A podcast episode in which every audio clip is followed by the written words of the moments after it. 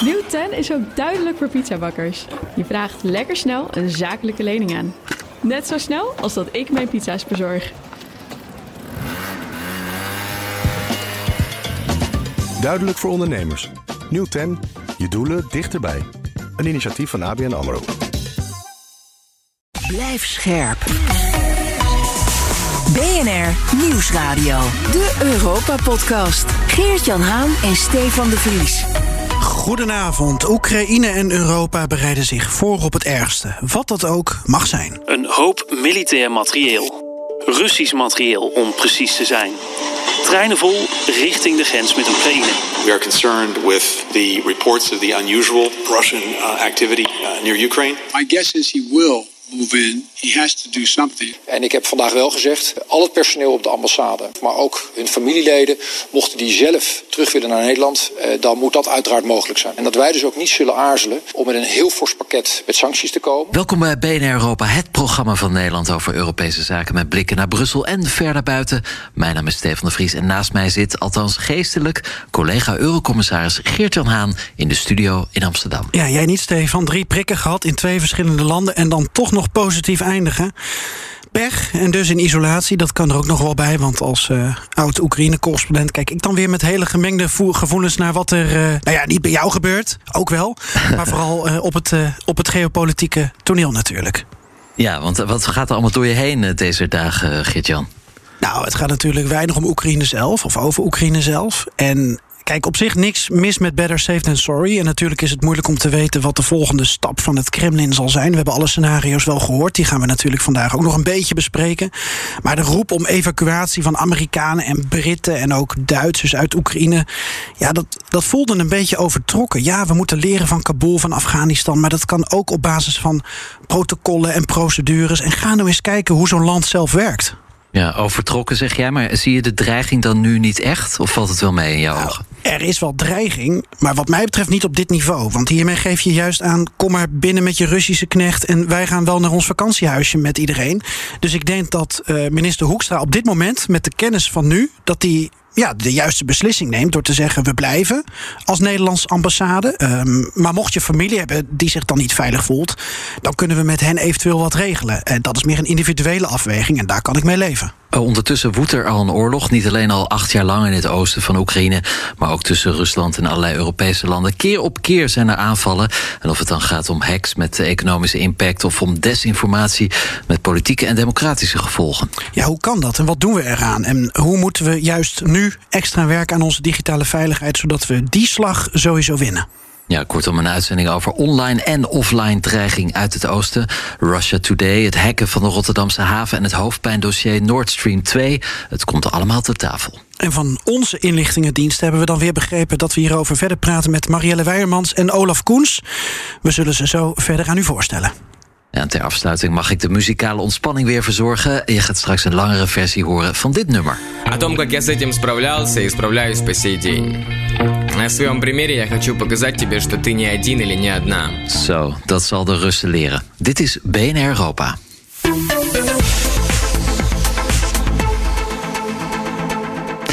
Ja, we gaan naar onze gasten bij Geert-Jan in de studio in Amsterdam. Staat Marielle Weijermaas. Goedenavond. Goedenavond. Ja, mevrouw Weijermaas van de Universiteit van Maastricht. Gespecialiseerd in cybersecurity en politiek. Universitair docent daar. Uh, nou, de bedreigende situatie in de Oekraïnse grens. Eerst even fysiek. Hoe kijkt u daarnaar? Uh, fysiek, nou, we hebben het hier over digitale domein, hè? Ja, dat is uw domein. Maar hoe kijkt u naar de, de dreigende situatie? Invasie hier, inval daar? Uh, nou, ik denk dat de huidige situatie echt enorm complex is. Uh, dus we zien inderdaad signalen dat er uh, de zogenaamde hybrid oorlogsvoering, daar zien we wel wat signalen van. Dus bijvoorbeeld vorige week hebben we gezien dat Oekraïnse overheidsdiensten zijn gehackt. we zien ook bijvoorbeeld series van bommeldingen. tegelijkertijd zien we natuurlijk die troepen opbouwen langs de grens. Dus we zien het absoluut de, de, spanningen opbouwen op al die verschillende domeinen. Ja. en dat is natuurlijk heel interessant om te zien, maar tegelijkertijd maakt het het ook heel erg onvoorspelbaar om te kijken wat er nu verder gaat gebeuren en hoe je dat ook moet inschatten. Ja, dus de dreiging is online en offline, maar in beide gevallen moeilijk te voorspellen? Uh, ja, en wat denk ik uh, nog één bijzondere dimensie eraan is, is uh, dat de reactie is wat voorspelbaarder op juist die normale vormen van oorlogsvoering. Dus als er een militaire inval is, dan is het wat duidelijker wat daar de repercussies voor zijn. Terwijl we dat uh, qua cyberaanvallen is het allemaal veel minder duidelijk. En dan helemaal als we dan overgaan naar desinformatie. Dan is het nog minder duidelijk wat dan de gevolgen zouden moeten zijn. Ja, we spreken ook met uh, Olaf Koens. Hij is correspondent voor RTL Nieuws in het Midden-Oosten. Nu is zijn standplaats Istanbul, maar hij was jarenlang werkzaam in Rusland en Oekraïne. Uh, met recht dus een, de Nederlandse Zwarte Zee-kenner. Olaf, ik weet dat je een heel mooi appartement hebt met uitzicht op de Bosporus. Kun je de Krim eigenlijk zien vanuit je bureau? Nee, nee, nee, dat is echt heel ver weg. Ja, het voelt dichtbij, maar het is, uh, ik heb het ook wel eens gevaren. Het is toch nog twee dagen, anderhalve dag varen. Dus het is, het is ver. We spreken elkaar op woensdagavond. Als jij nu naar buiten zou kijken, het is, het is donker natuurlijk bij jou, maar denkend ja. aan Rusland, Oekraïne, jouw eveneens geliefde Georgië. Hmm. Welke gevoelens maken zich dan meester van jou op deze sombere avond? Nou, dit is natuurlijk. Uh, het is heel erg treurig uh, en nergens voor nodig. Een volstrekt overbodige oorlog, dat was het al in 2014. en, en alles wat nu gebeurt is, is daar een beetje in het verlengde van. Ik heb nooit begrepen hoe um, Russen en Oekraïners, toch een broedervolk, hoe die de wapens tegen elkaar op kunnen nemen. Nou ja, dat is allemaal uit te leggen en ik heb het allemaal meegemaakt en gezien. En toch begrijp ik het niet. dus dat stemt, stemt bepaald niet vrolijk, nee. Ja, je, bent niet de enige die er niets van begrijpt, of weinig. Uh, is, is bemiddeling in dit stadium nog mogelijk, denk je? Zeker, dat gebeurt. Dat gebeurt op uh, allerlei vlakken. We zien natuurlijk nu een gigantische uh, diplomatieke tournee worden opgevoerd richting Kiev, maar vooral ook richting Moskou. Um, ja, je moet praten, want als je stopt met praten, dan begint het schieten. Um, dus er moet gepraat worden. Ja, hoe, hoe, ja, hoe succesvol dat is, dat is nog allemaal maar te bezien. En, en, en, sommige stappen die zie je voorbij komen, denk je, nou, dat is wel aardig. Andere dingen, ja, dat de Duitsers 5000 helmen naar Kiev sturen. Ja, dat heeft denk ik een beetje het, het, het, het tegenovergestelde effect. Dus in Moskou nog behoorlijk hard om lachen. Um, maar uh, nee, er moet, er moet gepraat worden. Ik, ik denk, ik, ik zou de laatste zijn die diplomatiek overleg zomaar afschuift. Al was het maar omdat het alternatief niet best is. Ja, is er nog een rol weggelegd voor Erdogan als, als natuurlijk het NAVO-lid, maar ook een belangrijke speler in de regio? Ja, misschien wel. Uh, dat is natuurlijk wel interessant. Uh, uh, Turkije speelt een soort dubbelrol. Hè. Aan de ene kant natuurlijk hoort Turkije bij de NAVO, gigantisch groot leger. Turkije heeft de controle over de enige toegang tot de Krim, namelijk de, de Bosporus hier in Istanbul.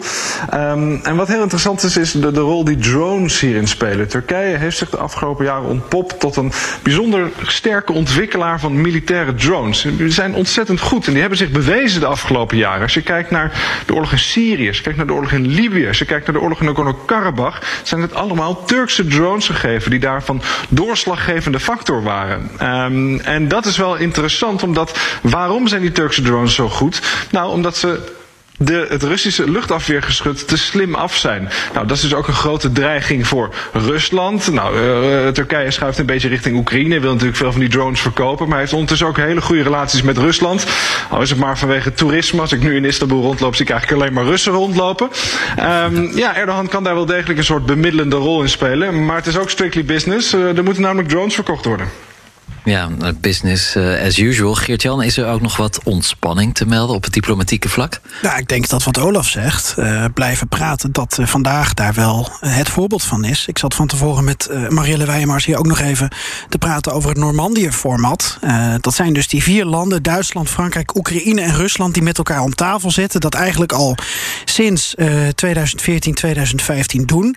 Toen hebben Merkel en Hollande, toen nog de leiders van Duitsland en Frankrijk, met Poetin en toen volgens mij Poroshenko afgesproken van nou, we doen een soort staakt het vuren. Dat heette de Minsk-akkoorden. Daar kreeg je Minsk 2 van als variant daarop.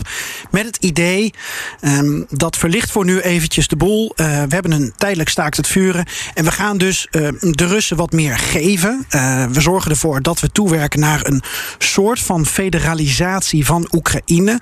Nou, en dat is waar vandaag over gepraat wordt. En Lavrov, minister van Buitenlandse Zaken van Rusland, die zei al vanochtend geloof ik, van ja, als we hier uitkomen met het Normandië-format, dan is de kou uit de lucht. Dat vond ik wel een interessante uitspraak. Ik weet niet hoe Olaf daar naar kijkt. Um, ja, kijk, dat Normandië-proces is natuurlijk specifiek gericht op de, op de regulering van het conflict wat nog altijd gaande is. Hè. Uh, dat is uh, in, in, in de Donbass, dus het gaat om Donetsk en Lugansk, die frontlinies die daar zijn. Dat, dat is inderdaad best wel geslaagd te noemen. Die overleggen zijn, zijn, zijn succesvol geweest in de zin dat die oorlog, nou ja, sinds 2015 toch wel redelijk gestopt is. Er wordt nog steeds wel gevochten. Af en toe worden er een paar vierkante kilometer die kant of dan weer een paar vierkante kilometer de andere kant op ingenomen. Maar een grote oorlog zoals dat was in 2014 is dat sindsdien niet meer geweest. Dus dat, dat formaat van die overleggen onder leiding, onder Europese leiding eigenlijk, ja, dat is toch best wel, uh, best wel bijzonder. Dat werkt wel. Uh, ja, ook daarin zal Oekraïne meer moeten geven dan het krijgt. Uh, maar ja, dat is nu eenmaal de realiteit van leven naast Rusland, vrees ik. Ja, Olaf Koens en Marielle Weijermas. Uh, jullie hebben allebei jarenlange ervaringen in en met Oost-Europa. Heel veel kennis opgebouwd, zowel op het gebied van online als offline dreiging... en helaas ook op het gebied van oorlogsvoering. Komt zo allemaal aan bod en nog veel uitgebreider ook in de podcast van BNR Europa. Maar laten we eerst even het Europese nieuws van deze week erbij pakken. Ook over dit conflict. Eurocommissarissen Haan en de Vries houden de Brusselse zaken scherp in de gaten. Ja, tijd voor de Europese week, Stefan. Of eigenlijk de Oost-Europese week. Want hoe stelt Brussel zich momenteel op? Ja, Geert-Jan, volle steun voor Oekraïne volgens nog en ook volle interesse. En dat zie je op meerdere vlakken terugkomen. Er is deze week gesproken over sancties. Eh, er wordt een, een sanctiepakket tegen Rusland voorbereid. Er zijn wapenleveranties, al zijn die niet Europa-breed. En sommige lidstaten bieden steun en materieel. En andere zijn wat meer terughoudend. Ja, Nederland denkt na over trainingsmissies in het helpen voorkomen van cyberaanvallen. Uh, zei Wopke Hoekstra deze week bij de talkshow Bo. En dat lazen we ook in een Kamerbrief. Marielle Weijermars, is dat een, een voorbeeld van, van defensief een land steunen, defensief bewapenen? Uh, in zekere zin wel. Want je zorgt ervoor dat ze weerbaarder worden voor het afslaan van dat soort aanvallen.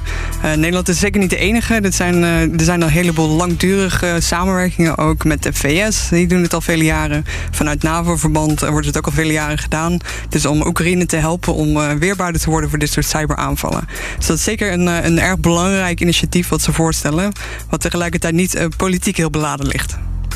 Nee, en tegelijkertijd, uh, Nederland is een van de, van de betere uh, om cyberaanvallen tegen te gaan. Dus dat is echt inhoudelijke hulp, defensieve hulp. De Europese Commissie kijkt al iets verder. Naast sancties tegen Rusland is zij ook bezig met financiële hulp voor Oekraïne. Volgens Ursula von der Leyen ligt er 1,2 miljard euro voor Oekraïne klaar... om zich financieel te wapenen tegen een eventuele Russische aanval. En de bedoeling is dat de eerste 600 miljoen euro al snel wordt overgemaakt naar Kiev. Ja, dan is er ook nog een fact-finding mission vanuit het Europees Parlement. Maandag en dinsdag gaat een vrij stevige buitenlandcommissie naar Kiev en naar het zuiden van Oekraïne. Een beetje tegen de Krim aan, misschien ook wel regio Zaporozhye. Onder leiding van de Duitse Europarlementariër McAllister, die ook een beetje Nederlands spreekt. Dat is leuk voor de trivia. Maar ook Radoslav uh, Sikorski sluit aan, de voormalig minister van Buitenlandse Zaken van Polen en ook van Defensie. En wellicht kennen mensen hem ook als ik de naam Anne Applebaum laat vallen, want hij is getrouwd met deze Amerikaanse journalist en historica. Ja, tot zover de uh, bladzijde Story en Privé. Dan nog wat uh, what-if scenario's. Als het tot een gewapend conflict komt uh, tussen Rusland en Oekraïne... en als er dan sancties komen vanuit Europa... en als de Russen dan zouden reageren met het draaien aan de gaskraan...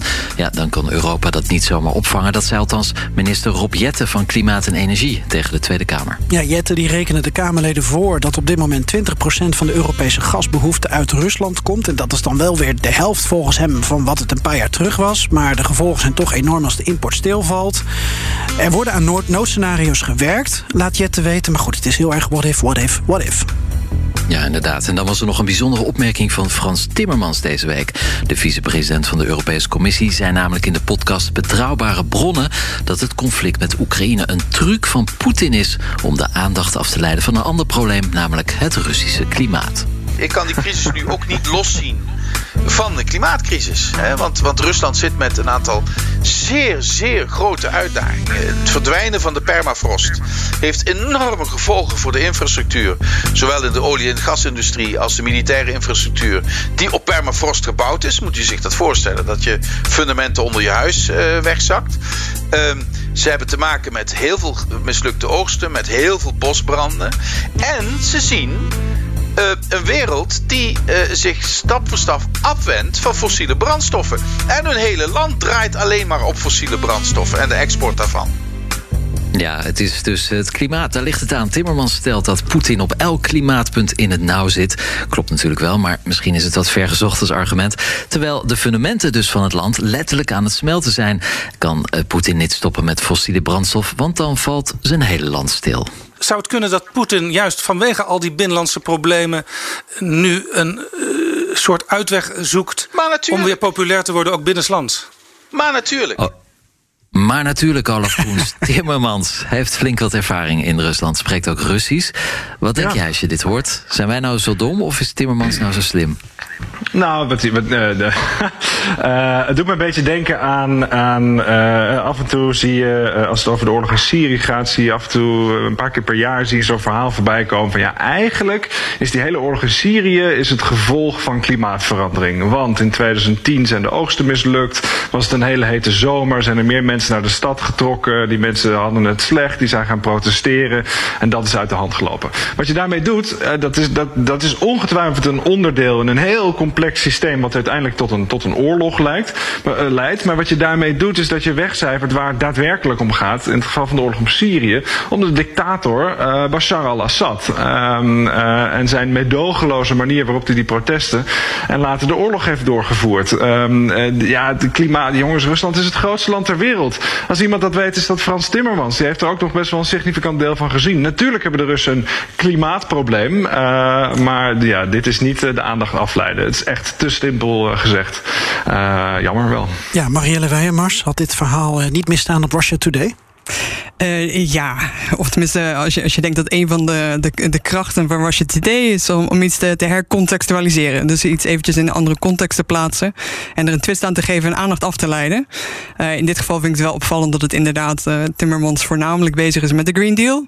En het dus ook in dat kader plaatst. Dat wil natuurlijk niet zeggen dat dat het inderdaad niet relevant is. klimaatverandering is een enorm probleem voor Rusland. omgekeerd is klimaatverandering in Rusland ook een enorm probleem voor ons. Dus het is zeker iets wat we, wat, waar we aandacht aan moeten besteden. Maar als we zouden kijken van nou, waar, wat zijn andere onderliggende redenen, dan zou ik juist eerder verwijzen naar de binnenlandse repressie. En de enorme versnelling die we daarin hebben gezien het afgelopen jaar. En hoe dat ook uh, de, de risico-inschatting van het Kremlin mogelijk heeft veranderd. Ja. Zeg, we praten zo met u verder door over uh, de online dreiging vanuit Rusland en, en de Europese verdediging. Maar ter afsluiting van het, het Europese en Brusselse nieuwsblok dat we net hadden. Uh, er is een onderzoek van een Brusselse parlementaire werkgroep uh, deze week ja, gepresenteerd op gebied van buitenlandse inmengingen en desinformatie. En de conclusie was: Europese regeringen en burgers zijn zich totaal niet bewust van de ernst van cyberdreigingen uit Rusland of China. Is nou toeval dat die uitkomst deze week is gepresenteerd? Ik weet niet uh, wat de planning was. Ik neem aan dat dit soort dingen redelijk lang van tevoren worden vastgelegd. Uh, Niettemin laten ze wel zien hoe relevant het is. Dus hoe relevant het is dat deze commissie, ze zijn er geloof ik al anderhalf jaar mee bezig geweest. Uh, hoe belangrijk het is dat ze inderdaad hier meer boven tafel krijgen.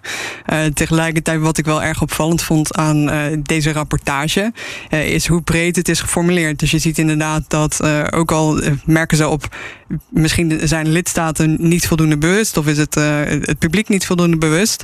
Als je die tekst leest, dan denk ik wel dat we een enorme sprong hebben gemaakt in hoe in ieder geval het Europees Parlement bewust is. Uh, je ziet een hele genuanceerde formuleringen en een hele goede uiteenzetting van welke problemen hebben we nou en ook hoe moeilijk is het om die goed aan te pakken. Dus als we kijken naar de bewustwording bij het Europese Parlement, dan ben ik daar in ieder geval heel, heel positief over. Goed, daar praten we straks over door. Voor ander nieuws uit het Brusselse verwijzen we naar uh, de show notes bij de podcastversie. Met onder andere een link naar een bericht over taxonomie en met een update over de Italiaanse presidentsverkiezingen. BNR Nieuwsradio. De Europa Podcast. Stefan de Vries. Alleen Stefan de Vries in quarantaine. En mijn naam is Geert-Jan Haan. En we praten ook met Olaf Koens, voormalig correspondent in Rusland en Oekraïne voor RTL Nieuws. Ook nog voor BNR, Olaf. We betaalden niet zo goed als RTL, dat moet gezegd worden. Maar uh, je bent nu gestationeerd aan de andere kant van de Zwarte Zee in Turkije. Wat is volgens jou op dit moment de dreiging voor Europa vanuit, uh, vanuit Rusland? Ja, ik zit ineens terug te denken aan al die avonturen die we hebben beleefd uh, live op de radio uh, in die tijd toen ik nog ook voor BNR inderdaad werkte daar. Ja, wat is de dreiging? Goed, um, de, de, dreiging is, is, is heel helder. Dat is oorlog op het Europese continent. Dat hebben we natuurlijk al heel lang niet meer gezien. Um, en dat, dat gaat allerlei gevolgen hebben. ja, dat is allemaal speculeren wat er dan gaat gebeuren. Maar um, ja, als er echt sprake zou zijn van een Russische invasie in in, het, in, de richting Kiev, nou laten we het zo maar eens zeggen, ja, dan, dan zijn de gevolgen niet overzien. En dan moet je denken aan, daar, vallen tienduizenden, misschien wel honderdduizenden slachtoffers bij. Uh, daar, daar, wordt een, een land compleet van de kaart geveegd. Uh, er zal een vluchtelingenstroom op gang komen. Je wil er niet eens over nadenken wat voor gevolgen dat allemaal gaat hebben. Ja, en dan is er ook nog voor ons inderdaad die uh, pijplijn met gas. En dat is toch ook wel opmerkelijk hoor. Want ik, ik kan me nog herinneren dat ik in 2004, want zo oud ben ik al, verslag deed uh, van uh, de protesten in Kiev. Toen het regime van Yanukovych omver werd geholpen en pre president Yushchenko aan de macht kwam.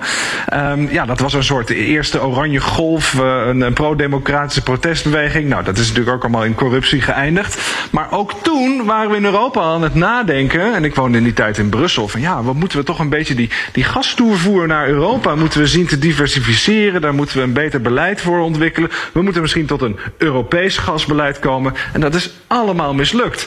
En dat is toch wel fascinerend hoor. Daar zitten allerlei uh, aspecten aan waar we misschien niet eens op in moeten gaan. Maar een daarvan is dat ook Nederland, maar vooral natuurlijk Duitsland, zich heeft ingekocht in Nord Stream. Dus we zijn zelf ook een beetje afhankelijk geworden van dat gas. Nou ja, dit is een probleem wat er zo in 2004 speelde. We zijn nu in 2022 en we hebben nog steeds geen heldere visie of een uh, strategie voor. Dat is toch wel een blamage, zou ik zeggen. Ja, ondanks jouw betrokkenheid al 18 jaar lang.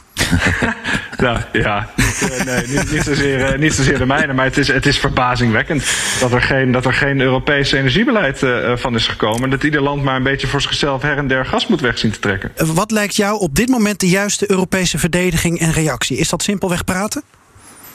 Blijf praten. Ik denk dat je alles moet doen uh, om een oorlog te voorkomen. Omdat uh, een oorlog, uh, in, in, wat voor vorm dan ook, zal echt desastreuze gevolgen hebben. Um, ik heb die oorlog gezien in het oosten van Oekraïne.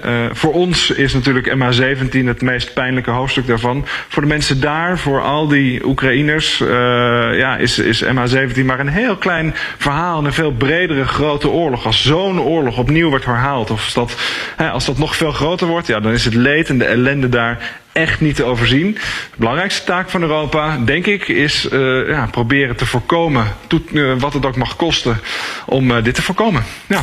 Ja, Olaf en Marielle, wat denken jullie? Leunen we te veel op de Britten, de Amerikanen, wat betreft informatie, intelligence, zoals dat heet, retoriek? om te beginnen met Marielle, wat denkt u? Um, ik denk dat als je kijkt naar het hele publieke debat, of tenminste het deel van de diplomatie wat via het publieke debat verloopt, uh, dan zie je wel dat zeker de VS daar erg dominant in is. Uh, ook Groot-Brittannië. Uh, we hebben dus bijvoorbeeld hun statements gehad dat ze zeiden, nou er is een koepoging aanstaande, waarbij ze allebei verschillende kandidaten naar voren schoven. dat vond ik erg opvallend, ook omdat we daarbij eigenlijk vrij weinig weten over de bronnen. Ze verwijzen daarmee naar hun veiligheidsdiensten die inderdaad signalen opvangen, opvangen daarvan. Uh, maar het is eh, best wel uitzonderlijk dat dat publiekelijk wordt, uh, wordt aangekondigd. En dat stuurt natuurlijk het publieke debat ook heel erg. dus dat vind ik wel opvallend. dus dat zij niet alles gaat achter gesloten deuren, maar ze zoeken juist die publiciteit op. En proberen daarmee ook te laten zien dat ze inderdaad betrokken zijn, dat ze Oekraïne willen steunen. En tegelijkertijd binnen NAVO-context zien we ook dat juist de NAVO-leden worden gesteund. dus dat vind ik erg opvallend in, in hoe die balans is op dit moment. Ja, Olaf, wat denk jij als man van de wereld. Thuis in Brussel, Parijs, Kiev, Tbilisi, Moskou, Istanbul. Heb jij het gevoel dat ja, de Amerikanen en de Britten nog iets te veel ons proberen te sturen? nou, ik heb, ik heb meer het gevoel dat we, dat we zelf uh, niet eens in de auto willen zitten of zo. Um, ja, als we ervan uitgaan dat, dat de Russische dreiging groot is, dan, uh, dat dat een groot geopolitiek probleem is uh, in, in Europa, misschien ook voor ons in Nederland, dat dat effect op, op ons heeft. Ja, waar halen we de mensen vandaan die daar iets zinnigs over kunnen zeggen? Dat zijn er echt heel erg weinig. Lopen ze een willekeurige Nederlandse universiteit binnen. Je hebt nog mazzel als je een afdeling slavistiek tegenkomt. En als daar meer dan drie studenten zijn, dan zijn het er al veel. Ehm, ik denk dat we een enorme informatieachterstand hebben als het gaat om Rusland. Er zijn in Nederland echt te weinig mensen die iets zinnigs kunnen vertellen over Rusland. Die daar uh, met autoriteit over kunnen praten. Uh, misschien moeten we die mensen op gaan leiden. Misschien moeten we die mensen gaan zoeken.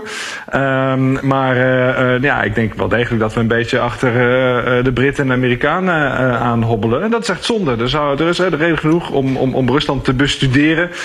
al is het maar vanuit veiligheidsoogpunt. maar natuurlijk ook als het gaat om literatuur, kunst, drama, noem het maar op. Rusland is razend interessant. Alleen op een of andere manier zitten in Nederland de opleidingen uh, Amerikanistiek altijd helemaal ramvol. En wilde helemaal niemand slavistiek studeren. Dat is toch zonde. En dan mis je een hoop, ben ik bang. Ja, toch fijn dat we dan uh, Marielle Weijermars hebben. Die er ja, ze bestaan nog. Ja. ja. de Nederlandse slavisten, ze bestaan nog. Uh, zeker. Maar het is, een, het is wel een correct punt wat hier wordt, wordt aangestipt.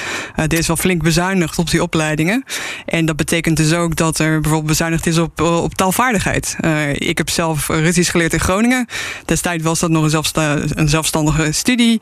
Uh, leerde je volledig Russisch, daadwerkelijk tot hoog niveau.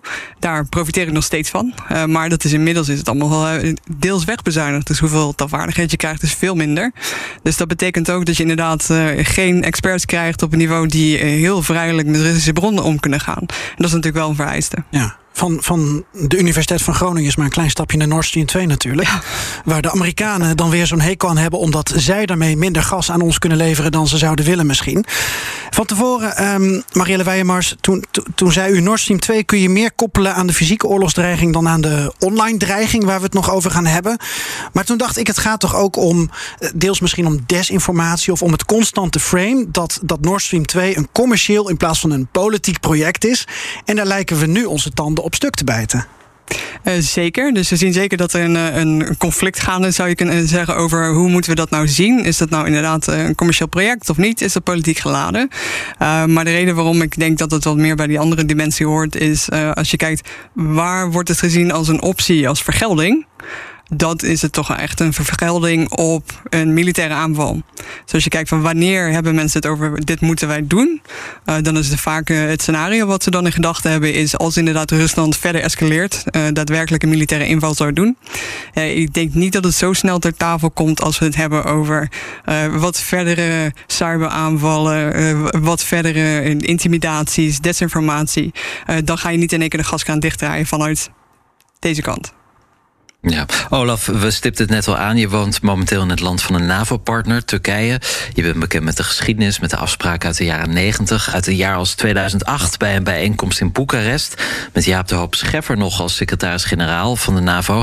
Um, er wordt nog steeds gesproken, dat zei je net ook. Dat, dat, is, dat is goed. Um, ook de NAVO-Rusland-raad is een soort van in ere hersteld. Kun je dat eigenlijk allemaal al als een vooruitgang uh, omschrijven... in plaats van uh, de cloud of war waarin we nu eigenlijk zitten? Mm, dat vind ik een hele moeilijke eigenlijk. Uh, je zou aan de ene kant kunnen zeggen natuurlijk dat uh, uh, alleen het feit dat we het steeds maar over die, die cloud of war hebben, dat we het steeds maar over die dreiging hebben, ja, dat, is al winst voor, Rusland. Hè. Um, aan de andere kant, ja, dit soort, dit soort instrumenten worden toch weer opgetuigd. Um, ja, ja, waar we het eerder over hadden. Ik denk dat het goed is dat je blijft praten op wat voor niveau ook. Um, ja, nee, dat, dat, lijkt mij, dat lijkt me hierin goed. Turkije heeft hier natuurlijk echt wel een, een, een hele bijzondere rol te vervullen. Uh, al was het maar omdat Turkije de afgelopen paar jaar de NAVO en vooral de Amerikanen ook een beetje een hak heeft gezet door een heel geavanceerd Russisch raketafweersysteem te kopen. Die beroemde S-300 en dan vooral de S-400.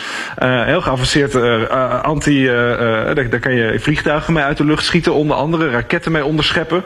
Um, ja, daarmee zou je zelfs de F-35's uit de lucht kunnen halen. Nou, daarom wouden de Amerikanen niet dat de Turken dat zouden kopen van de Russen. Dat hebben ze wel gedaan. Een enorm geopolitiek schandaal destijds. Maar misschien brengt dat Turkije toch juist ook wel weer in de positie dat ze een beetje kunnen onderhandelen. Omdat ze ervaring hebben met de Russen. Uh, maar natuurlijk ook gewoon nog steeds een heel belangrijk NAVO-land zijn. Maar daar ook toch weer een beetje een buitenbeentje in zijn. Ik zie daar wel kansen in. En ik denk, uh, nou ja, waar we het in het eerdere gedeelte bij de radio-uitzending over hadden. Ja, je moet altijd blijven praten, praten omdat het alternatief gewoon echt uh, ja, ondenkbaar slecht is. Ja, maar Olaf, er zijn op dit moment zoveel scenario's en theorieën en voorspellingen die allemaal rondgaan door nou, dat kleine legertje aan, aan Rusland-experts en zogenaamde Rusland-experts.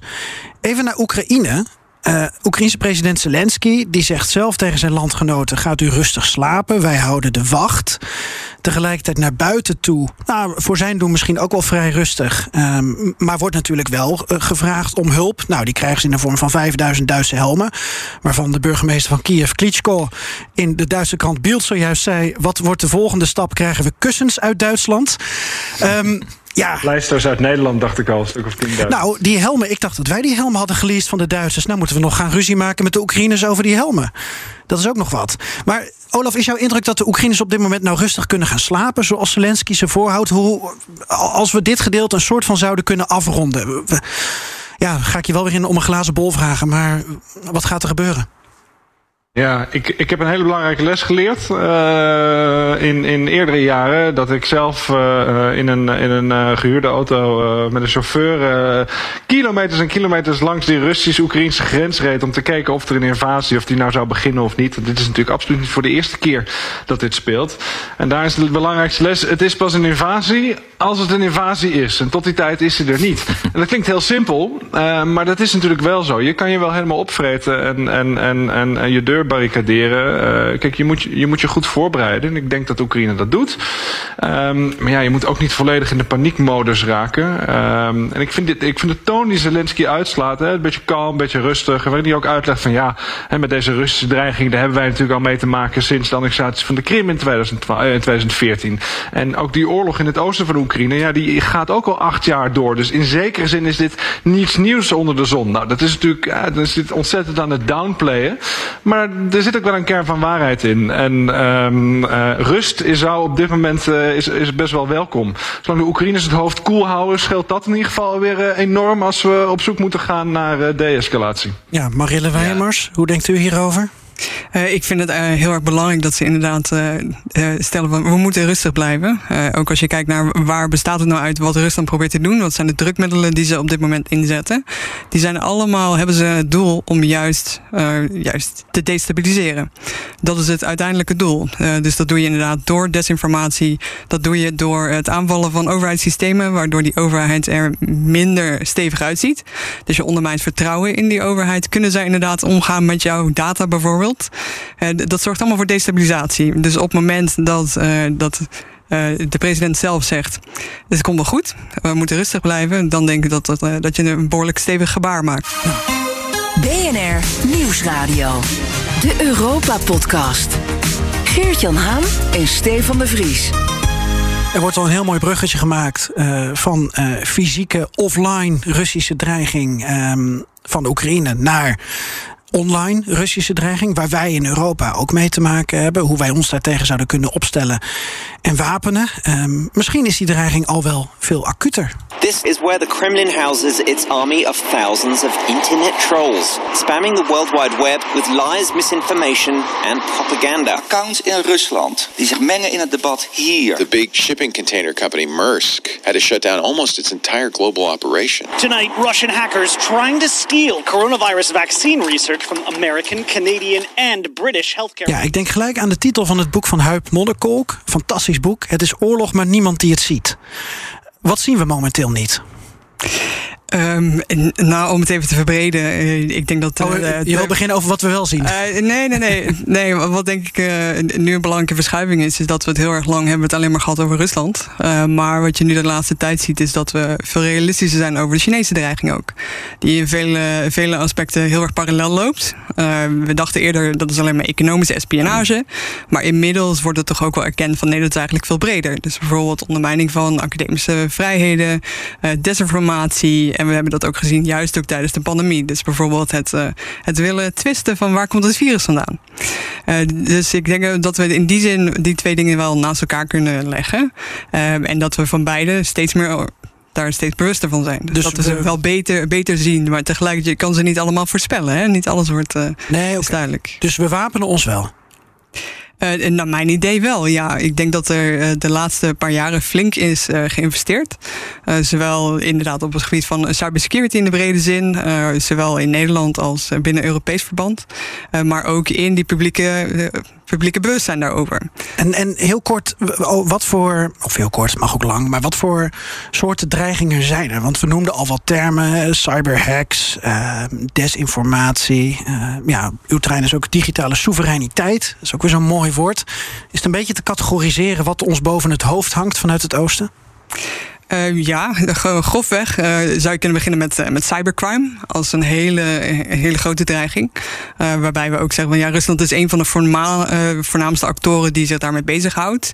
En Rusland is ook faciliterend, of in ieder geval ze doen onvoldoende om dat tegen te gaan. dat is één, dus natuurlijk een enorme economische impact. maar tegelijkertijd is er ook een heel mooi grijs gebied naar wanneer je cybercriminelen of dezelfde methoden zou kunnen inzetten voor politiek gemotiveerde cyberaanvallen. En dat zag je nu bijvoorbeeld ook in die aanval in Oekraïne, waarbij er zogenaamd ransomware was geplaatst, maar tegelijkertijd was het eigenlijk niet mogelijk om die systemen dan weer te herstellen. Die overheidswebsites van, van twee weken terug die werden aangevallen. Precies, ja. Dus er was uh, malware geïnstalleerd, uh, die dan de systemen volledig zou wissen. Uh, terwijl het zich voordeed als ransomware. Dus daar zie je dat daar een beetje gebruik van wordt gemaakt van dat grijze gebied daartussen. Dus dat is, is, heel erg lastig om dat helemaal van elkaar te scheiden. Dus dat is één dimensie waar Rusland zeker, zeker een bedreiging is. Daar wordt toch ook echt tot op het hoogste niveau, tot in de VN, wordt daarover gesproken. En ook afgelopen jaar heeft Biden daar ook in de ontmoeting met Poetin enorme druk op gelegd. Van er zijn bepaalde sectoren, daar moet je afblijven, daar moet je wat tegen doen. dus dat is één dimensie. Dus een deel daarvan is dan de meer politieke eh, cyberaanvallen wat, wat mogelijk is. Deel espionage. Daar hebben we ook vele, vele voorbeelden van, van gezien al. Maar waar we ons natuurlijk ook veel zorgen over maken zijn die Russische internationale media. Dus bijvoorbeeld RT. Die heel erg handig zijn in hoe frame je bepaalde onderwerpen. Hoe speel je in op maatschappelijke gevoelens? Ze zijn daar heel erg alert op en zijn er heel erg goed in om juist te voelen van wat zijn nou echt de de knelpunten binnen de maatschappij. Waar kun je op drukken om te zorgen dat inderdaad uh, misschien die maatschappij verder polariseert of dat je het vertrouwen in de instituties ondermijnt. Uh, dus die media spelen daar een rol in. Tegelijkertijd heb je daar omheen een heel scala aan actoren die ook breder desinformatie helpen verspreiden. Uh, een deel daarvan zijn wat we net hoorden van de Russische trollenfabriek. het begon daarmee, maar tegelijkertijd hebben ze ook een heel netwerk aan pseudo-online websites gecreëerd. Ook Russisch-talige die ook Oekraïne heel erg actief zijn. Uh, dus juist dat soort uh, websites die zich voordoen als media, maar eigenlijk het niet echt zijn, die spelen ook vaak een hele belangrijke rol. En dat wordt dan weer extra aangewakkerd door botnets die dat allemaal nog verder verspreiden en dan zorgen dat het viraal gaat. Olaf Koens en Marielle Weijermars zijn onze gasten deze week in BNR Europa. Olaf Koens is voormalig correspondent voor RTL in Rusland en Oekraïne. En ook voor BNR trouwens, heel lang geleden. En is nu de RTL-man in het Midden-Oosten. En Marielle Weijermars is universitair docent cybersecurity en politiek aan de Universiteit Maastricht. En u bent ook lid van de Rusland Expert Pool van een hele lange uh, term European Center of Excellence for Countering Hybrid Threats. Nou, alleen van die naam al uh, klinkt een grote dreiging. Ja, klinkt vind het heel indrukwekkend, toch? Ja, of juist dat je weerstand uh, opwerpt ermee. Ja, Olaf Koen, cyberaanvallen, trollen in Oost-Europa, desinformatie. Zijn we in Europa nog steeds te naïef? Nou, ik, ik, ik, moet, je uh, schetsen dat ik uh, tegen die tijd al weg was. Ik ben in 2015 vertrokken uit Rusland. En dat was net een beetje inderdaad de tijd dat die trollenfabrieken en zo opkwamen. Zijn we te naïef? ja, we zijn, we zijn zeker te naïef als het om, om Rusland gaat. kijk, er zijn bepaalde dingen waar ik me niet zoveel zorgen over maak. Hè. Iets, iets als Russia Today. Ja, laten we heel eerlijk zijn. Wie kijkt daar nou in hemelsnaam naar? ik, ik reis nog steeds veel. ik slaap heel veel in hotelkamers af en toe kom je ergens Rush Today wel eens op kanaal 344 tegen of zo. Um, uh, maar dat is natuurlijk maar een heel klein televisiekanaal. Ook, ook hun online impact wordt, wordt denk ik best wel overschat. Hè. Als je toch eens nakijkt hoeveel, hoeveel mensen kijken naar, naar die YouTube-video's van ze, dan stelt dat toch altijd heel erg teleur. Um, en de dreiging is groter als het uitgaat van inderdaad, uh, uh, wat net werd genoemd, sites die een beetje het midden houden. Zo'n website waarvan je denkt, oh, dat ziet er eigenlijk wel uit als een nieuwssite, maar wat is het eigenlijk? Waar komt het vandaan?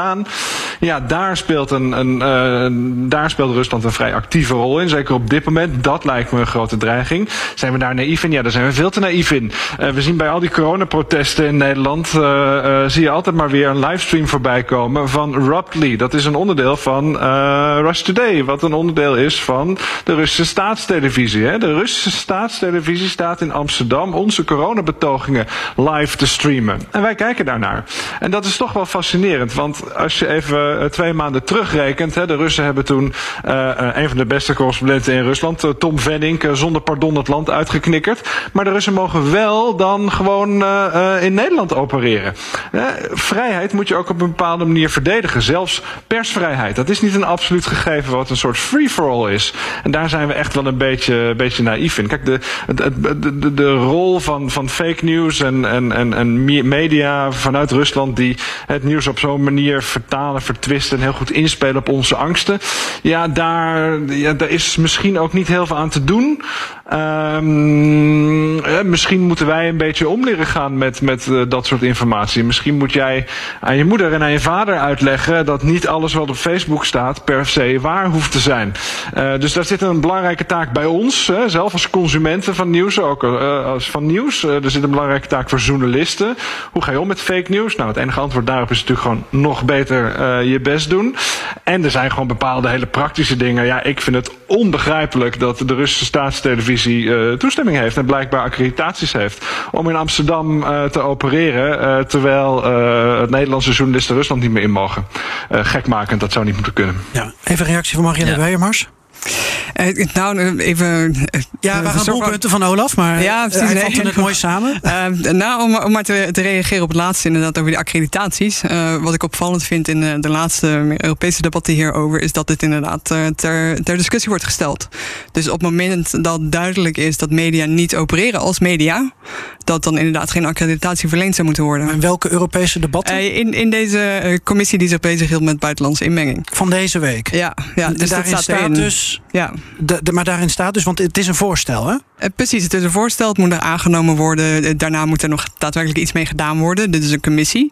Uh, maar tegelijkertijd het feit dat zij dat benoemen, uh, dat vind ik wel erg tekenend. Dus dat ze inderdaad zeggen van de mediavrijheid is een enorm belangrijk goed binnen de EU. dat is het ook. Dus je moet heel erg terughoudend zijn bij het intrekken van dat soort accreditaties en ook licenties. Maar tegelijkertijd moet je wel realistisch zijn dat op het moment dat zij niet meer voldoen aan de, de basisjournalistieke voorwaarden, uh, dan zou je er eigenlijk ook niet moeten toelaten. Dus dan zou je er wat aan moeten doen. Dat vond ik zelf heel erg opvallend. Ik zag je bij, bij de opmerking van Olaf over uh, de impact van RT. Um, non-verbaal een iets andere opvatting hebben? Nou, ik denk dat we daar een, een onderscheid moeten maken tussen, tussen inderdaad hun eigen, de tv-RT uh, en de online kanalen. En dan al die subkanaaltjes die uh, onder, niet onder de naam RT opereren, maar weer een andere subdoelgroep hebben. Dus je hebt ook van die kanalen die richten zich meer op jongeren. Um, en alles bij elkaar denk ik dat het toch wel redelijk substantieel is. Ehm, wat niet wil zeggen, dat we kunnen niet heel makkelijk dan zeggen van wat is precies die impact. Dat is heel erg moeilijk om dat ook wetenschappelijk te bewijzen. Maar tegelijkertijd denk ik dat we dat wel serieus moeten nemen. Juist ook omdat bijvoorbeeld die, die livestreams en opnames van Raptly die worden vervolgens ook weer gedeeld. Uh, en die worden, ik vind Raptly heel erg fascinerend, omdat het feitelijk zonder commentaar is. Ja, want dus, dat zijn, kun, waar kunnen we dat in Nederland mee vergelijken? Van die dumpert filmpjes op geen stijl? Of, uh, nou, het zijn vaak hele lange, lange reportages. Ze doen net alsof ze gewoon als een soort de, documentaire gewoon laten zien wat er gebeurt. Wat natuurlijk heel erg goed werkt. dat geeft de schijn van authenticiteit. Ja. Maar tegelijkertijd kiezen ze hun onderwerpen wel heel erg strategisch. En die worden vervolgens ook heel veel gebruikt in, in de Russische media om uh, om inderdaad te laten zien van kijk wat er hier in het Westen allemaal aan de hand is. En hoeveel beperkingen mensen opgelegd krijgen en hoe ondemocratisch dit is. Uh, dus dat wordt heel erg strategisch gebruikt. Ja. ja niet alleen door, uh, door Russische media. Oh, sorry. Ja, la, laat, me, nee. laat me afmaken. Kijk, dat wordt niet alleen gebruikt door Russische media, maar ook door ons. Ik zie ook, uh, zelfs bij RTL uh, en ook bij de NOS, heb ik wel stukjes van Ruptly voorbij zien komen. Dat hebben we dan toch van ze aangekocht. En dat geeft ook wel een beetje onze eigen zwakte daarin aan. misschien ook wel naïviteit. Ehm, ja, schokkend wel, eigenlijk. Ja. Goed, goed punt, Olaf. Ik wil toch even nog één opmerking maken over accreditatie. Het, het mooie van Nederland is, is dat je geen accreditatie hoeft te hebben als je op straat staat te filmen. Het is natuurlijk wel wat anders als je een politieperskaart wil hebben. Daar is wel selectie van. Maar ik vind het eigenlijk een zorgwekkende ontwikkeling dat de Europese Commissie of dat in Europa, in, in, in Brussel, stemmen opgaan om dat toch aan banden te leggen. Er zijn veel landen in de Europese Unie die heel slecht scoren op het gebied van persvrijheid. Uh, ik denk aan, aan, aan Frankrijk of Italië, maar ook uh, nou, het Verenigd Koninkrijk. Um, dat is heel gevaarlijk. Dat is een glijdende schaal. Ik denk eigenlijk dat we zoveel zelfvertrouwen moeten hebben over onze eigen kwaliteit van de maatschappij. Dat we inderdaad zoiets als RT uh, kunnen tolereren dat ze hier filmpjes maken. En uh, we moeten die niet aan banden gaan leggen. Maar dat is misschien een ander debat. Uh, dat is althans mijn mening. Um, ik geloof dat Marielle Weijers toch heel even wil reageren, ondanks dat dat jouw mening is. Marielle? Oh nee, ik, ik ben het er volledig mee eens. Uh, een van de dingen waar ik het meest onderzoek naar doe is mediavrijheid in Rusland. Dus alles wat voor mediavrijheid is, daar ben ik helemaal fan van. Um, tegelijkertijd dacht van een, een, voorbeeld wat wel interessant is, is dat Duitsland hier heel erg uh, vooraan staat. Dus zij hebben meerdere YouTube-kanalen uh, die gelieerd zijn aan, aan RT. Die hebben ze laten blokkeren door YouTube. Uh, dus zij zijn er heel erg uh, mee bezig om dat inderdaad uh, te beperken. tegelijkertijd zorgt dat gelijk weer voor enorm veel spanningen. Want Rusland heeft een wet aangenomen die zegt: dit is censuur. Dus op het moment dat er beperkingen worden opgelegd op Russische media, wordt het gezien als een, als een daad van censuur. En natuurlijk kan het dan ook weer de aanleiding zijn om daar weer wat tegen te doen. Dus om dan ja, wat te ja, doen tegen Deutsche Welle bijvoorbeeld, die sowieso aangemerkt zijn als, als foreign agent. Ja. Dit laat heel goed zien schaal. dat de Russen, ja. kijk de Russen, wij proberen in Europa, zijn we met een schaakwedstrijd bezig en proberen we stappen uit te denken. Wordt er overlegd in het Europees Parlement, hoe gaat dat precies? Uh, worden in Duitsland worden YouTube-kanalen uh, ingetrokken. Uh, de Russen, waarvan wie, van wie wij denken dat zij ook met een schaakwedstrijd bezig zijn, die spelen helemaal geen schaak. Die zijn aan het boksen. Die slaan je als tegenstander gewoon gelijk knock-out. En die gooien de hele BBC eruit als het moet. en ook een Nederlands correspondent. En die leggen hun eigen medialandschap volledig aan banden. Dus als je daarmee om wil gaan, als je met een bokser staat, moet je denk ik niet willen schaken. Dat wil niet zeggen dat je je hele Europese mediabeleid overhoop moet gooien. Of dat je uh, overal restricties en vergunningen moet gaan intrekken. Maar je moet er wel eens heel kritisch naar kijken hoe je daarmee omgaat. Al was het maar omdat je tegenstander, als het een tegenstander is, uh, op een totaal ander, met een totaal ander spelletje bezig is. Ja, even over boksen gesproken. Want op het gebied van cyber um, gebeurt volgens mij uh, dusdanig veel dat je daarbij wel kan spreken als Oekraïne of als Europa een tik krijgt, slaan we terug. Zijn we ook niet vies van bepaalde spelletjes spelen? Um, Stefan, uh, Wopke Hoekstra zei er geloof ik ook iets over deze week, hè? Um, ja, ja, zeker. Inderdaad. We hebben in Nederland natuurlijk uh, hele knappe koppen. Het, het, is zo dat de cyber-unit van, van de militaire geheime dienst in Nederland, uh, of de militaire inlichtingendienst, uh, echt een van de, van de beste ter wereld is. Um, dus ja, de, vraag is vooral: zijn we knap genoeg om de Russen tegen te houden? Marielle Weijermars, hoe ziet u dat? Oeh, dat is een hele lastige vraag. We gaan er maar vanuit van wel. Uh, of tenminste, ze hebben een, een tijd geleden uh, hebben ze toch wel een redelijk internationale headlines gehaald. Uh, dat ze zelf wisten te infiltreren bij een van de, van de Russische hackergroepen. dus ja. in die zin zou ik zeker ook willen onderstrepen dat ze heel capabel zijn. Het moet toch ook, want wij bieden dus aan aan Oekraïne dat wij de komende dagen zelfs gaan helpen op cybergebied. Dan moeten we toch ook wel wat kunnen? Absoluut, absoluut. Anders heb je niks, uh, niks te bieden. Um, ja, dus ik denk dat we inderdaad wel internationaal gezien staan we zeker goed op de kaart. Uh, wil natuurlijk niet zeggen dat Nederland daarmee alleen staat en ook of dat afdoende is. het is wel erg goed dat die, dat die diensten nu worden aangeboden. Dus dat wordt ge, geholpen om Oekraïne wat weerbaarder te maken op dat vlak. Is er ook een Brusselse verdedigingslinie of een pan-Europese verdedigingslinie? Uh, je ziet dat binnen de NAVO, uh, daar zijn ze heel erg bezig met uh, hun cybertak. Daar zijn ze al een aantal jaren zijn ze dat aan het uitbouwen. ze werken ook samen, dus we inderdaad, zoals ik eerder al noemde, is ook samenwerking tussen de NAVO en Oekraïne en de NAVO en andere landen ook op dit vlak. Um, en wat ik zelf wel interessant vond, was dat ze vorig jaar hebben ze zich ook wat, wat explicieter uitgesproken over wanneer is nou artikel 5 van toepassing. Dus dat is dat artikel dat een aanval op één van de lidstaten is een aanval op alle. En daar hebben ze gesteld dat in principe een hybrid aanval, dus een combinatie of een cyberaanval, zou mogelijk uh, grond kunnen zijn voor artikel 5 activatie. En ze zeggen er wel bij van waarschijnlijk is er dan meer cumulatief effect, dus meerdere acties die dan bij elkaar gelijkwaardig worden gezien als een aanval. Dus daadwerkelijk dat je een aanval pleegt op een ander land. Uh, tegelijkertijd, dat telt natuurlijk alleen maar binnen de NAVO. En ze zeggen ook dat is niet automatisch. Dus er is niet een lijstje van, oh, als, als je zoveel systemen aanvalt of uh, als deze sectoren worden aangevallen, dan is dat automatisch uh, activatie van artikel 5. Dat moet in elk geval moet apart besproken worden. Dus tegelijkertijd, aan de ene kant is dat een stap voorwaarts. Dus dat ze zeggen, ja, inderdaad, dit is van toepassing mogelijk. Tegelijkertijd moeten we dat nog in actie zien. En denk ik dat in de praktijk dat heel erg terughoudend zal worden gehanteerd. En wij hebben ook, of wij, de EU heeft een Cyber Rapid Response Team. En dat staat nu ook op standby voor Oekraïne. Klopt. Wat kan je daarmee? Uh, dat is ook een ondersteuningsapparaat. Uh, dus inderdaad, uh, je zou kunnen zeggen extra mankrachten. Oké, okay. ik denk veel te concreet, Stefan. Ik hoor het al. Ik wil gelijk dat er dan wordt ingegrepen en iets wordt gedaan. Jij zat nog met een vraag over de Rotterdamse haven, volgens mij. En over economische impact eventueel. Uh, ja, zeker. Want in uh, 2017, volgens mij, was er een, uh, een virus. dat ook het systeem in de Rotterdamse haven aantastte. Toch? Heb ik het goed, Klopt. Ik zie je bedenkelijk ja, kijken. Nee, ik laat het aan Marielle Weijemars. ja. ja. Um, Marielle, hoe zat het ook alweer? En, en kan zoiets nu weer gebeuren? Uh, ja, dus, dus waar we het over hebben is uh, de, de legendarische NotPetya. Uh, ja, ik dacht is Petya, ja. maar het was NotPetya. Nee, precies, het was NotPetya. Dus een leek op Petya, maar was, was het niet. Um, dat is iets wat, dat is een soort malware die gebruikt was om inderdaad Oekraïne aan te vallen. dus we hebben toen ook gezien dat energiesystemen in Oekraïne ook daadwerkelijk onklaar zijn gemaakt. Dus dat had een behoorlijke impact daar.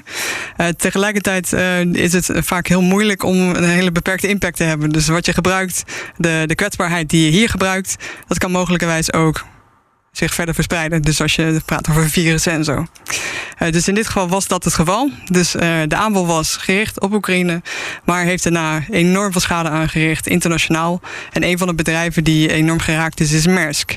Dus die hebben internationaal, uh, houden zich bezig met al die, al die scheepvaart. Ja, de containers. Dat is heel erg ingewikkeld. heel erg technisch vooruitstaande systemen gebruiken zij om te coördineren waar zijn al die containers ter wereld.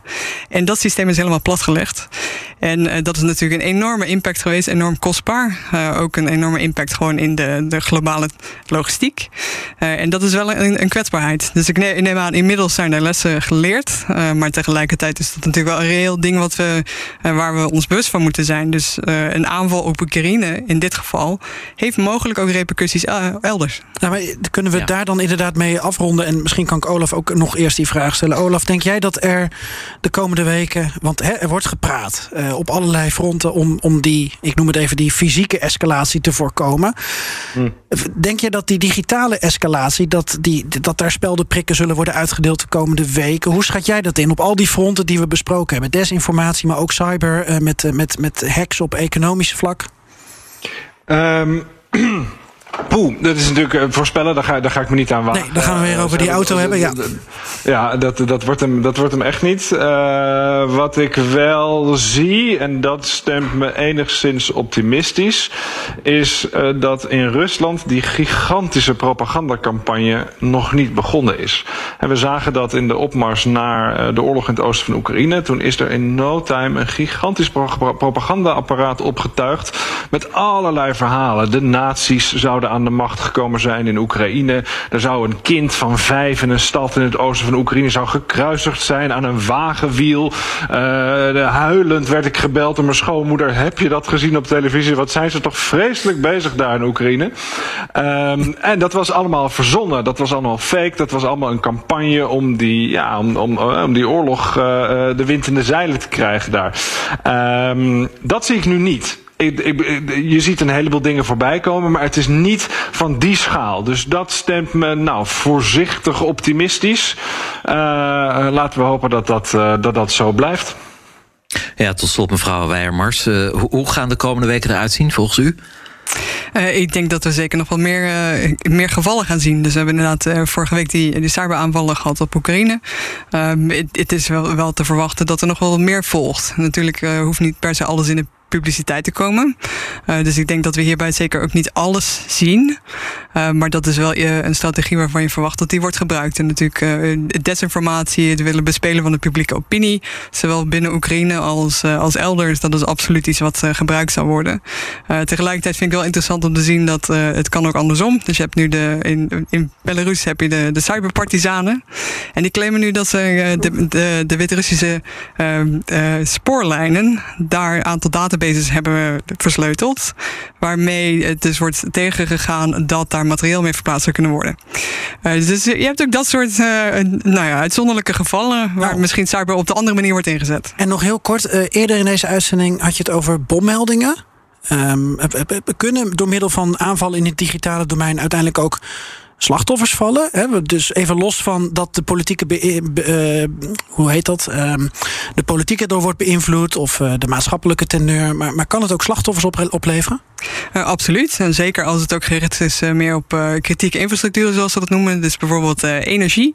als een energieleverantie wordt, wordt platgelegd in de winter, dan zal het zeker impact hebben. Dat kan absoluut ook levens kosten. Oké, dus dan kan het alsnog, ondanks aanval op het digitale domein fysiek onrustig zijn. Dat kan. Ja.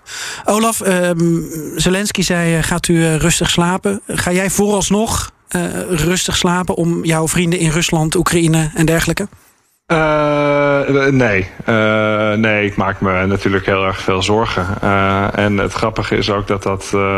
ja, ik, ik, ik, probeer het een beetje van me af te schuiven. Want ik, ik werk natuurlijk al heel lang niet meer daar. Maar vorige week liep ik door Istanbul. Zag ik ineens een, een Russische vriend, een, een, journalist, fotograaf. Zag ik lopen. Ik zeg: Hé, hey, ben jij hier? Ben je op, ben je op vakantie? En zei Nee, nee, ja, ik ben gevlucht ben gevlucht. Ook hij. En uh, zo zie ik vrij veel mensen uh, voorbij komen in Istanbul. Uh, onze appartementen wordt een soort door, doorvoersluis voor Russische journalisten en, en, en dissidenten en, noem het maar op. Ik maak me ontzettend veel zorgen, natuurlijk. Um, ja, laten we hopen dat het... we hebben het natuurlijk even over cyberaanvallen gehad. Daar kunnen ongetwijfeld slachtoffers bij vallen. Dat gebeurt dan misschien ook wel. Maar alles, echt alles beter dan een vernietigende grondoorlog met ontelbaar veel slachtoffers. En uh, daar hou ik mijn, uh, mijn hart voor vast. Ja, dat doen wij ook. Uh, Olaf Koens, voormalig correspondent in Rusland en Oekraïne voor RTL. Nu werkzaam in het Midden-Oosten.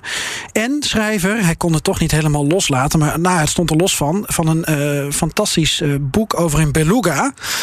Olaf, Aydin, het waargebeurde verhaal van een beluga. Dat is nou echt zo'n boekje waarvan ik denk... als je even aan deze realiteit en aan deze waanzin wil onttrekken... ga dat boekje lezen. Ik heb het aan mijn kinderen voorgelezen. Ze vonden het heel erg leuk. Nachtmerries. Dus, uh, nee, helemaal niet. Nee, ze wilden heel graag Olaf ontmoeten. Want ja, die heeft uh, Aiden echt gezien. Hè? Dus uh, nou ja, wie weet gebeurt het nog. Dankjewel in ieder geval. Olaf Koens in Istanbul. In Turkije. Thanks. Dank jongens. Ja, en ook dank Marielle Weijemars, uh, universitair docent cybersecurity en politiek aan de Universiteit uh, Maastricht. Boek geschreven onlangs? Uh, ja, drie zelfs. Drie zelfs? ja, maar die zijn, die zijn allemaal heel ingewikkeld. die zou ik niet per se in de luisteraar zijn. Het gaat niet over een beluga. Nee, helaas. Oh. Uh, en uh, je bent ook lid van de Rusland Expert Pool van het European Center of Excellence for Countering uh, Hybrid Threats. En hartelijk dank voor het delen van al je kennis op dit terrein en domein. En er valt nog veel meer een volgende keer over te vertellen. Absoluut. De nummer 1 in. En zoals iedere week kiezen we een eurodeuntje, de grootste hit in een van de lidstaten. Althans, we, we, dit, dit wordt heel erg geopolitiek, Stefan, want je hebt iets uitgezocht. Ja, ja, de Russen zijn boos. Hersenloos. Ja, de Russen zijn boos. Voor...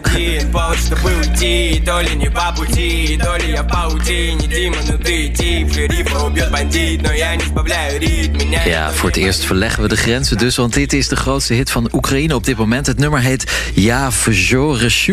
Uh, wat betekent dat? Uh, jij spreekt Oekraïens, toch, Eurocommissaris? Nou, ik, ik heb met, uh, met Olaf en Marille natuurlijk goede, goede dubbelcheckers, maar ik regel het wel, volgens mij. Ja. Ja, dat weet ik Ik fix het wel. Hoe vertaal, je, hoe vertaal, je, de titel van dit liedje? Ja, ik vind alles geregeld. ik denk dat het Yavsorishаю moet zijn. Ik besluit alles. Uh, maar het is wel grappig als dit de belangrijkste, grootste nummer 1 hit in Oekraïne is. Terwijl weer een Russisch-talig nummer. Ja, maar dat bevestigt ja. juist dat we niet over die taalgrenzen moeten hebben. Uh, dat die volledig irrelevant zijn. Oké, nou, het taalgrenzen aan de kant. het is de nummer 1 nu in Oekraïne.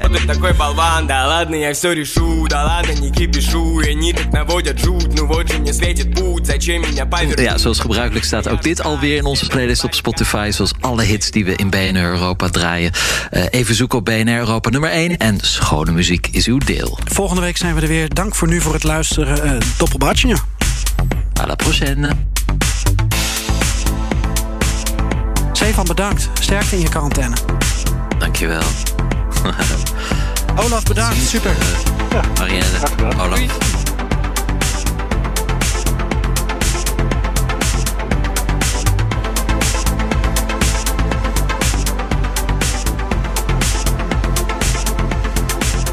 En dat zal je altijd zien in de absolute slotfase van deze podcast kunnen we nieuws melden. We hebben een reactie van het overleg uit Parijs met het Normandië-format. En er is een schriftelijke reactie vanuit Washington naar Moskou gegaan. Laten we daarmee beginnen. Je hoort de Amerikaanse minister van Buitenlandse Zaken over deze brief en dat is Anthony Blinken. It sets out a serious diplomatic path forward should Russia choose it. The document we've delivered includes concerns of the United States and our allies and partners about Russia's actions that undermine security. A principled and pragmatic evaluation of the concerns that Russia has raised, and our own proposals for areas where we may be able to find common ground. We make clear that there are core principles that we are committed to uphold and defend, including Ukraine's sovereignty and territorial integrity, and the right of states to choose their own security arrangements and alliances. Ja, deze brief die de Amerikaanse ambassadeur aan de Russen heeft overhandigd, haalt wel weer iets druk van de ketel, in ieder geval voor de korte termijn. De Russische diplomaat in kwestie die hier een eh, reactie op heeft gegeven bij Interfax. Dat is eh, meneer eh, Grushko. Dat is de onderminister van Buitenlandse Zaken. En die zei: We gaan het lezen, we gaan het bestuderen. Onze partners hebben hier anderhalve maand op gestudeerd. En dan doelt hij op de NAVO en de Amerikanen op de eisen die de Russen in eerste instantie stelden. En Grushko geeft dus aan: wij gaan er nu ook even voor zitten. En dat lijkt ook in lijn te zijn met het nieuws dat zojuist uit Parijs is gekomen. Waar dus dat Normandië-format bijeenkwam. Duitsland, Frankrijk, Rusland en Oekraïne. Acht uur lang hebben ze met elkaar gesproken.